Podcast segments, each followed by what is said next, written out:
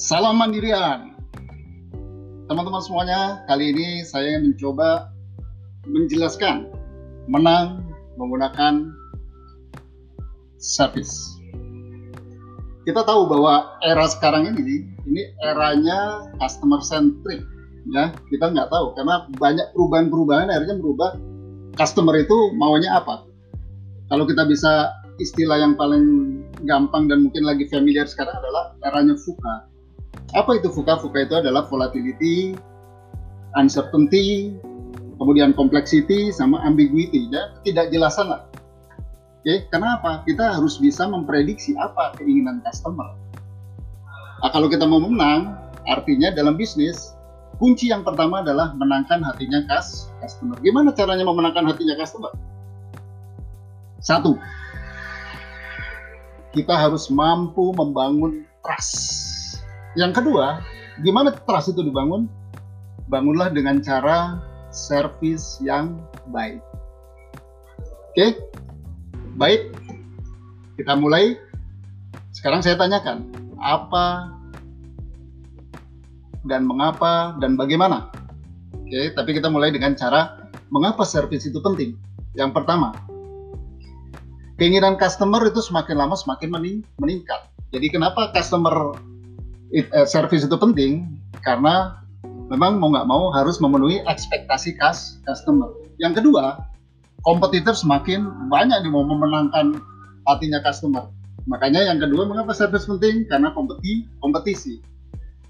Oke, okay? nah, ketika kompetitor banyak membuat membuat produk yang banyak, layanan yang sama gitu, mau nggak mau service yang gimana yang bisa membuat competitive advantage. Jadi yang ketiga adalah service. Mengapa service penting? Karena untuk competitive advantage. Yang keempat terakhir, mengapa service penting? Karena dengan membangun trust yang kuat, kita bisa men men mencoba memenangkan bisnis dan akhirnya memenangkan hatinya customer dan ini didasari karena selling kita semakin meningkat. Jadi ada empat tadi ya. Yang pertama, memenuhi harapan nasabah, kompetisi, competitive advantage, sama service untuk meningkatkan selling. Kemudian, sebenarnya apa sih service itu? Service itu mudah.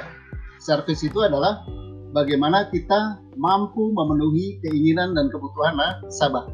Tapi kebutuhan dan keinginan seperti apa?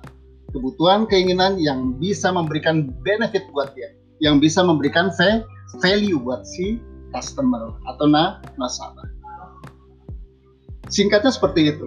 Jadi kalau tadi mengapa service penting, kemudian apa itu service? Sekarang saya masuk kepada bagaimana kita bisa membangun service excellent. Definisinya mudah. Ketika service yang kita berikan ternyata tidak memenuhi harapan keinginan nasabah, itu namanya apa? itu namanya bad service. Kalau kita bisa memenuhi keinginan kebutuhan nasabah, itu namanya apa? Itu baru good service. Tapi gimana kita membangun service excellent? Service excellent adalah ketika kita mampu memberikan sesuatu yang lebih kepada customer dari apa yang dibutuhkan dan keinginan, itulah service excellent. Sahabat Mandirian, untuk memenangkan bisnis, bangunlah service excellent. Kita mampu memberikan lebih dari apa yang dibutuhkan, apa yang diinginkan nasabah. Sebetulnya kunci yang terakhir adalah service bukan saja memberikan atau memenuhi kebutuhan keinginan nasabah, tapi juga harus bisa memberikan benefit atau value. Yang paling penting lagi adalah service harus bisa memberikan pengalaman kepada si nasabah. Jadi service excellent yang bagus adalah mampu memberikan customer experience. Oke, saya rasa itu saja. Selamat belajar, salam pembelajar. Terima kasih.